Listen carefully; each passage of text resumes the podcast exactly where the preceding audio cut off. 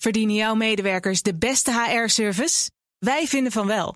Numbers combineert payroll met slimme HR-features. Bespaar kosten en geef medewerkers eenvoudig toegang tot verlof, declaraties en loonstroken. Probeer Numbers op nmbrs.nl.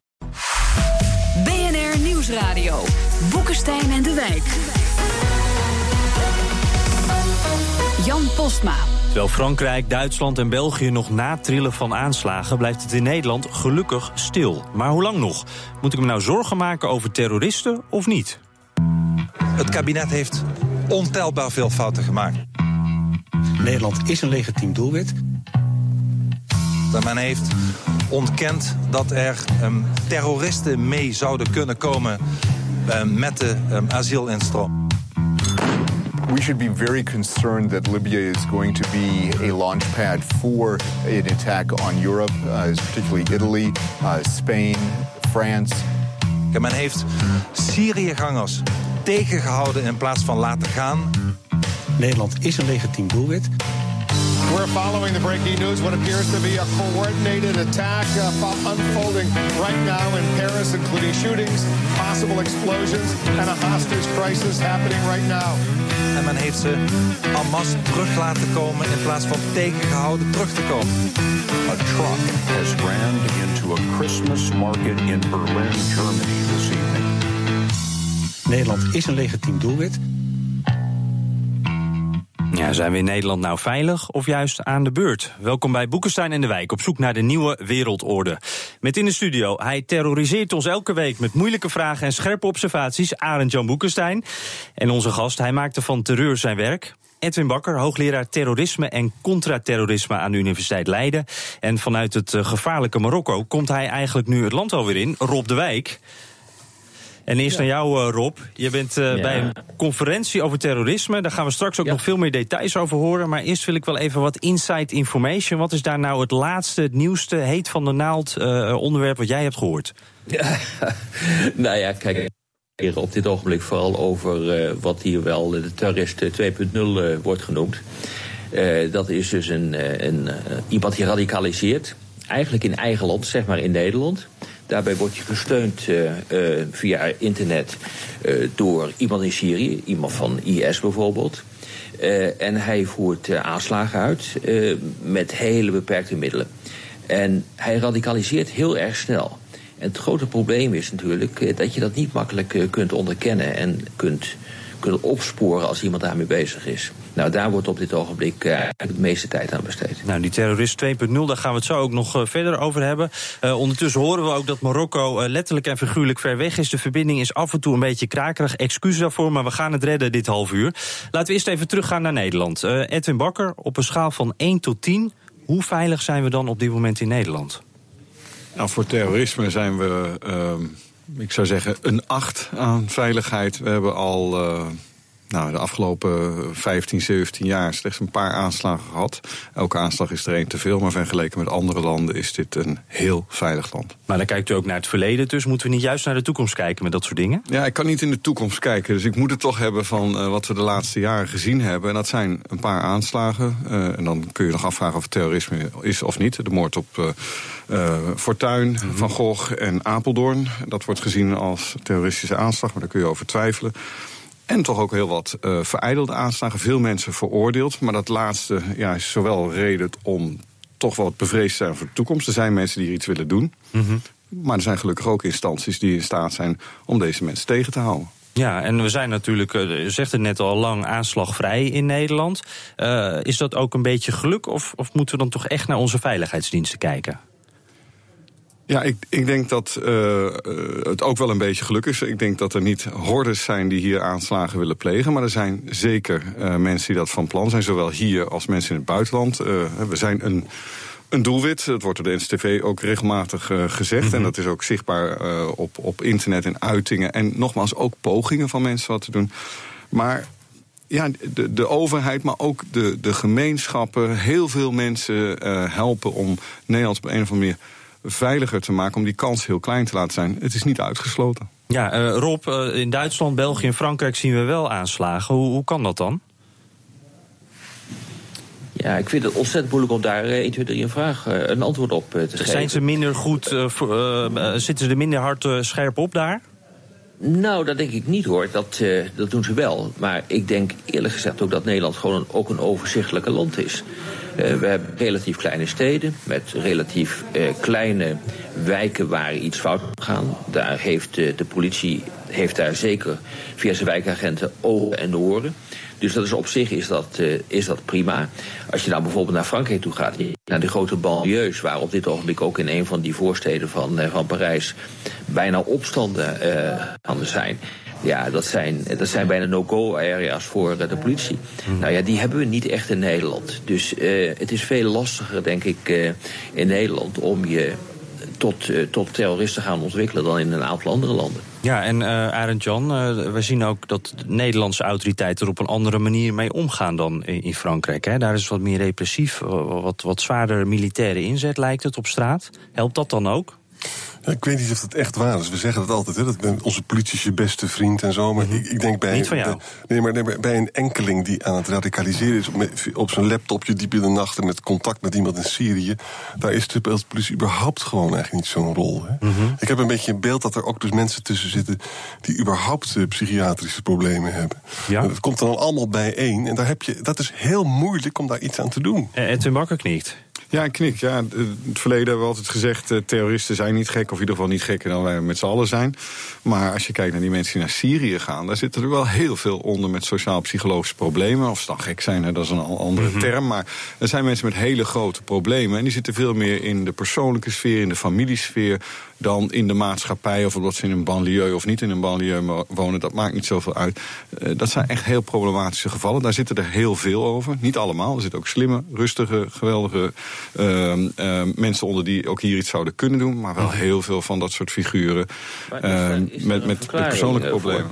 Oh, Rob, vanuit Marokko? Is daar, een, is daar een verklaring voor? Dat, het wordt hier namelijk ook geconstateerd dat het uh, zo is. En dat dat ook redelijk zorgwekkend is. En ook, dat betekent dus ook als die, die team terug gaan komen... nou ja, dan heb je de pop aan het dansen. Ja. Want dan haal je toch beschadigde mensen ook weer terug. Nou ja, die zijn dan nog een keer extra beschadigd... door wat ze allemaal in Syrië hebben meegemaakt. Maar wat is hier de diepere verklaring voor? Waarom gaan dat soort mensen dan naar Syrië toe, Edwin? Weet jij dat? Nou, het is aantrekkelijk om naar Syrië te gaan. We zijn heel vaak aan het, aan het focussen van wat hebben wij fout gedaan... en wat moeten we allemaal uh, hier dan wel niet doen aan stageplekken, et cetera. Maar deze mensen hebben gewoon persoonlijke problemen. En in Syrië biedt een uitkomst voor ze. Dat is een manier om daarvan uh, weg te vluchten, voor jezelf vluchten... om daar iets gewelddadigs te doen dat ook past misschien bij, bij, je, bij je aard. Um, en IS... Um, doet ook in de propaganda, zegt het maakt me niet uit wat je bent, je bent hier een held. Dus je kunt daar wel iets zijn en hier kun je het niet zijn omdat je ja, je omgeving je ook niet accepteert, omdat je zelf in de knel zit. Dus het is een oplossing. Dus die poolfactor van IS, die ook deze mensen omarmt en welkom heet, ik denk dat dat een deel van de verklaring is. Hm. Ik wil even terug naar de vraag waar we eigenlijk mee begonnen. U gaf net een, een 8 als het gaat om veiligheid in Nederland. Ik kan me voorstellen, moeilijk te kwantificeren, maar toch een mooi cijfer. Toch uh, proef je veel ongerustheid uh, in Nederland als het om aanslagen gaat. Hoe, hoe kan dat dan? Ja, omdat ter terrorisme daarop uit is en daarin wel succesvol is. Uh, om om een team te halen, dat, dat kan bij terrorismebestrijding mm -hmm. niet. Die terrorist hoeft maar één keer iets te doen, ergens in te, te, te slagen. En in Nederland was het één man.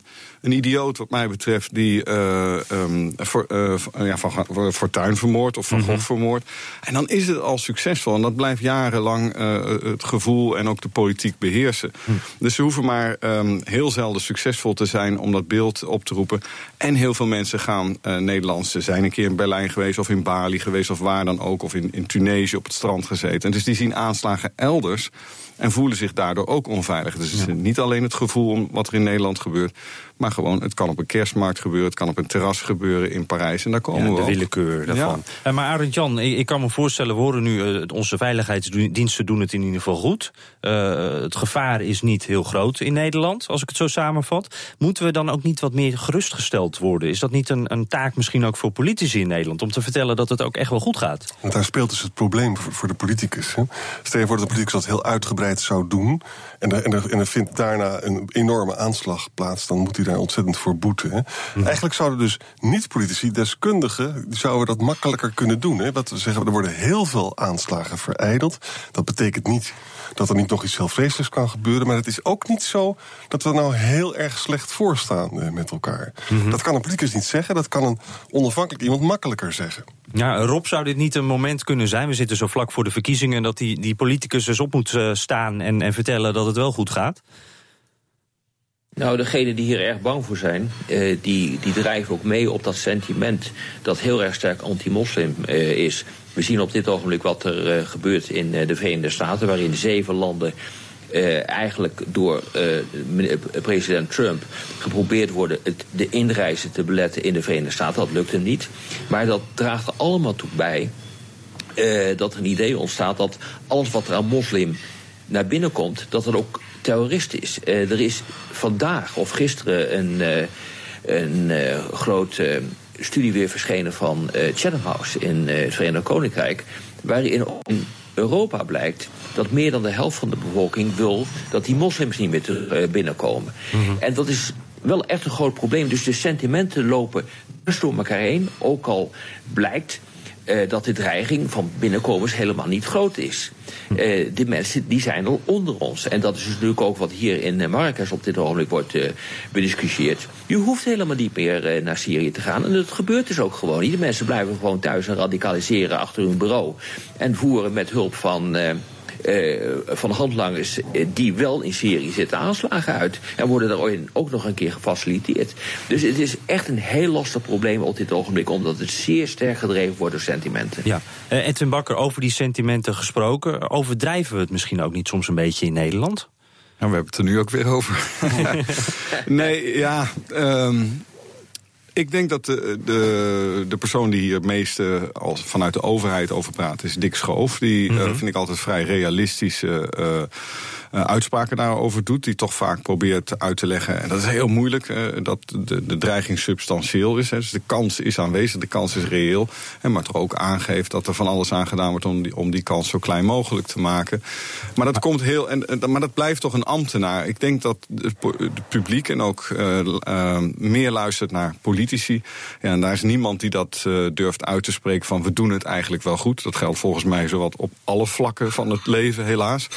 Um, uh, maar dat zouden ze echt meer moeten doen. Maar ik zelf vind, als ik een acht geef voor de veiligheid in Nederland... denk ik, oh, er zal toch nog niet morgen iets gebeuren. Hè? Dus nee, dat, dat blijft kan, moeilijk. Het blijft ja. moeilijk.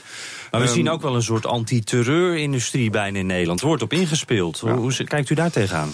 Um, nou, het is goed dat we met z'n allen, um, de professionals in ieder geval, bezig zijn om te kijken of we signalen zien van, van die mensen die in hun eentje misschien achter de computer radicaliseren. Dat, dat ouders bewuster worden. Wat gebeurt er eigenlijk met mijn kind? Wat doet hij op zolder?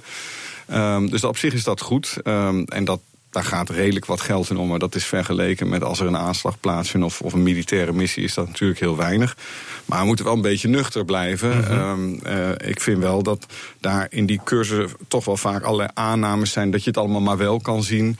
Um, dat als we maar goed opletten en iemand bellen dat het te voorkomen is, daar moet je toch wel een beetje voor oppassen. Moet je niet doordraaien. Ja, draaien, en dat doen we wel een beetje. Arend Jan, nog heel kort. Ja, en als ik naar jou luister, dan hoor ik dus eigenlijk de mensen die radicaliseren in hun eentje, misschien met een beetje contact met Syrië. Ze hebben ruzie met hun vader, ze hebben hun school niet afgemaakt. En eigenlijk is de poolfactor heel groot. De ellende is, om dat te voorkomen, kan eigenlijk niet. Daar moeten we gewoon vrij eerlijk over zijn. Dit is wel een bezorgd. Dit, maakt ons bezorgd. Nou, ik, ik was uh, vorig jaar bij een bijeenkomst met politiemensen. En er was een politieman die zei iets geweldigs. There's only so much you can do. Die aangaf dat er grenzen zijn en wat we kunnen doen. En ik denk met dit soort gevallen dat dat heel duidelijk is. Grenzen dicht, deur op slot en niet open doen. Komen ze dan niet gewoon door het raam? BNR Nieuwsradio. Boekenstein en de Wijk. Hoe hou je terreur buiten de deur? Daar hebben we het over met Arend-Jan Boekenstein en Rob de Wijk natuurlijk. Die laatste vanuit Marokko. En Edwin Bakker, hoogleraar terrorisme en contraterrorisme aan de Universiteit Leiden. Uh, laten we eens even over die vluchtelingendeal met Libië praten... waar uh, over gesproken werd in Malta. Is dat nou iets wat helpt voor de veiligheid, uh, Rob de Wijk? Nee, volgens mij niet. Want als het dus inderdaad zo is dat veel van die potentiële terroristen al onder ons zijn en het aantal dat terroristen dat meekomt met vluchtelingenstromen buitengewoon beperkt is, ja, nee, dan zal dat gewoon niet helpen. wat dat betreft zijn er ook geweldige eh, berekeningen geweest in, eh, in de Verenigde Staten. En dat heeft dan weer te maken met dat decreet van Trump. Er zijn vanaf 1975 tot vorig jaar zijn er 1,3 miljoen vluchtelingen gekomen. Daar, daaronder zaten 20 terroristen en daardoor zijn drie Amerikanen om het leven gekomen in al die jaren. dus we moeten dit probleem ook niet overdrijven. En we moeten niet continu lopen te roepen dat er een directe verwevenheid is met al die vluchtelingenstromen. Er is natuurlijk wel een relatie, want uh, en dat is ook een zaak die hier op dit ogenblik wordt uh, besproken. Als strijders terugkomen uit Irak, uit Syrië, dan is het zeer denkbaar dat ze niet naar hun, laten we zeggen, thuisland gaan, hier Marokko of Tunesië, maar dat ze naar Europa gaan om daar onder te dompelen in uh, de vluchtelingenstromen en de migranten die daar op dit ogenblik aanwezig zijn. want dat biedt een betere schuilplaats dan en dan, mhm. nou, dan bijvoorbeeld naar Noord-Afrika toe te gaan, waar ook eh, de opsporing wel buitengewoon effectief is hoor, op dit ogenblik. Oké, en dan, dan zegt uh, Wilders bij ons in Nederland van uh, we doen die grenzen dicht. Trump zegt dus hetzelfde in de VS. Uh, dat is onpraktisch natuurlijk in een handelsnatie ja. als Nederland.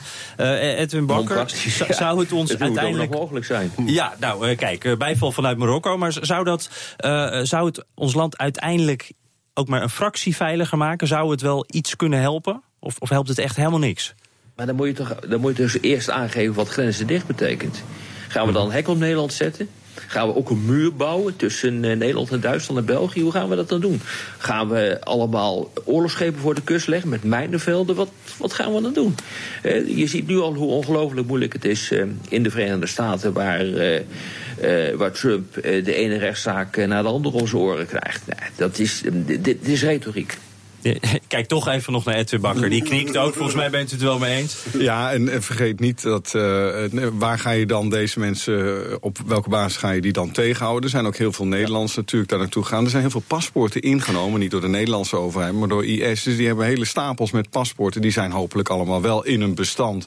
Hè, dat als ze daar ergens de grens over gaan. Maar ik durf toch niet uh, met alle zekerheid te zeggen. dat iemand met een Nederlands paspoort. Toch niet op een of andere manier in Düsseldorf terechtkomt. en vervolgens een keer uh, toch die grens overgaan. Mm het, het, het, kan niet. Het, het is, het is onmogelijk. Nee, niet te doen. En dan wordt er ook wel eens gezegd, Arend Jan, uh, dit soort maatregelen en dit soort retoriek, dat helpt juist IS. Hoe dan?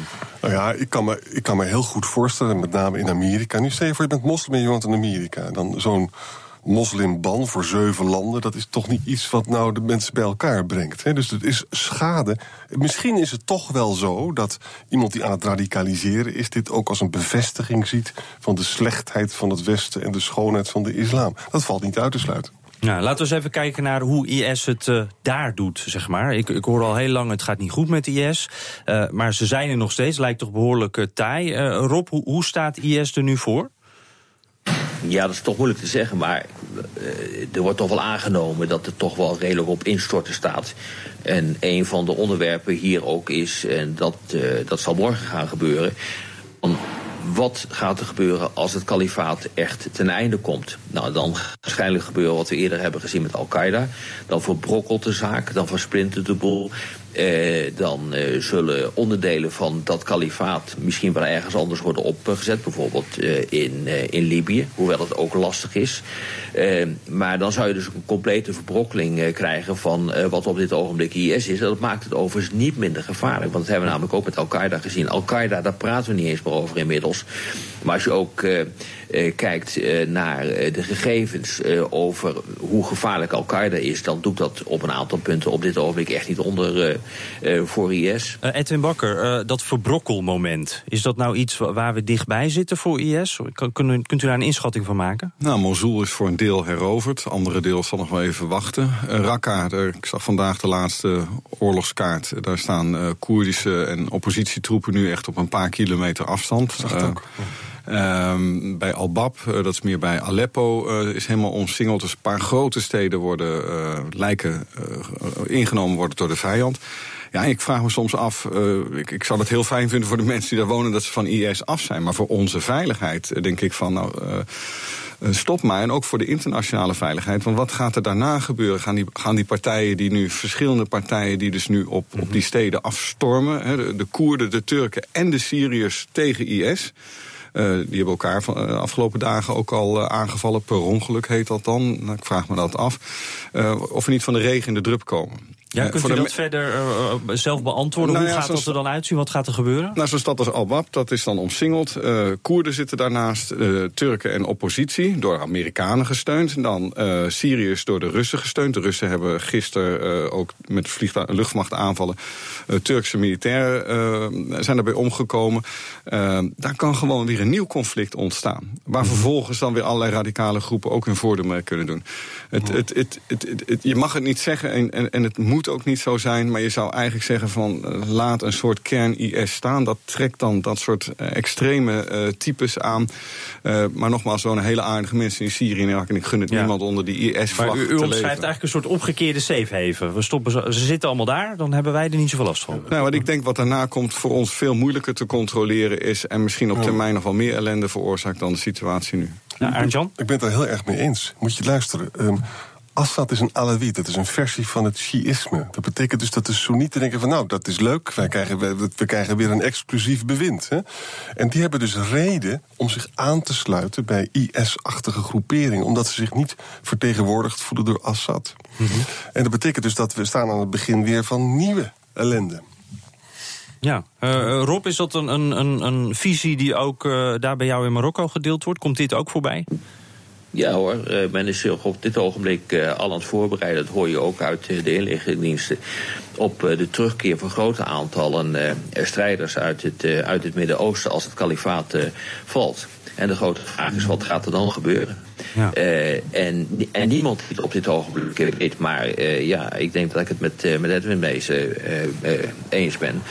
wanneer hij zegt dat dat wel eens een gevaarlijkere situatie kan opleveren dan de situatie die we op dit ogenblik hebben. Ja, uh, Edwin Bakker, dan, dan zitten dus met dat, dat punt dat dan strijders terug kunnen gaan komen. Waar moeten we dan het meest eh, bang voor zijn? Wat, zijn dat die Nederlandse strijders? Of? Nou, ik denk niet die Nederlandse strijders. Die, die kennen we eh, van naam. Laten we ik denk dat 90% bekend is bij de inlichtingendiensten. Dat bekend is waar hun familie zit, et cetera. Dat is dat, als ze terugkomen, is dat terugkeer van gekende mensen op een gecontroleerde wijze. In een gecontroleerde omgeving. En ik hoop dat dat uiteindelijk de gevangenis is. Mhm. Die mensen zullen veroordeeld worden. Uh, die zullen dan vanuit de gevangenis weer in de samenleving uh, terugkeren. Nou, dat is Onder, dat is onder controle te houden. Maar dat geldt niet voor die Tunesiër of de Marokkaan. Want de Marokkaanse overheid die zit echt niet te wachten op een paar duizend van die jihadisten.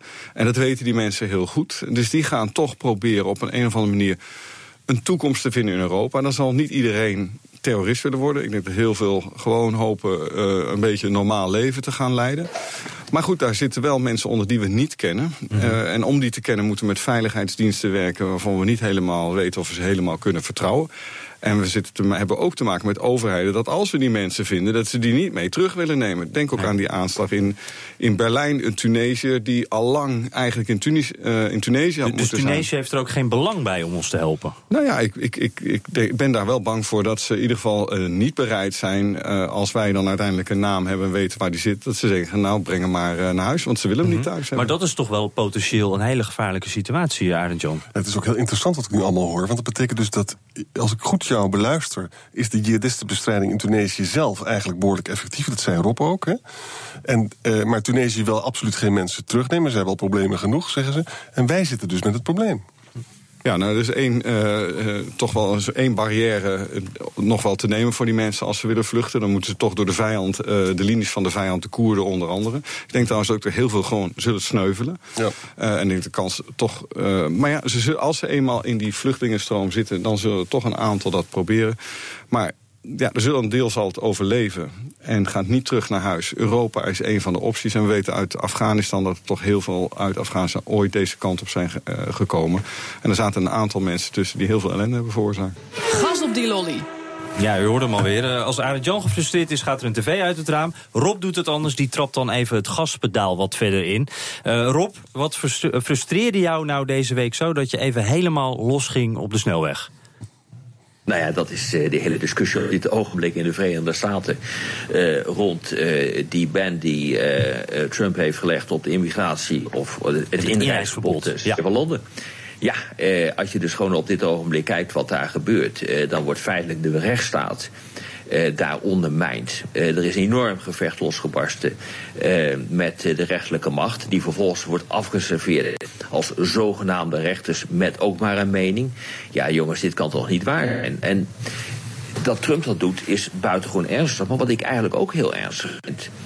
En daar moeten we echt wat mee. En dat zien we eigenlijk ook op dit ogenblik gebeuren in Europa. Dat dat toch wel gesteund wordt, dat beleid van Trump, door een behoorlijk deel van de bevolking. Dus er is echt iets schondig mis ook in onze maatschappijen dat dit kan.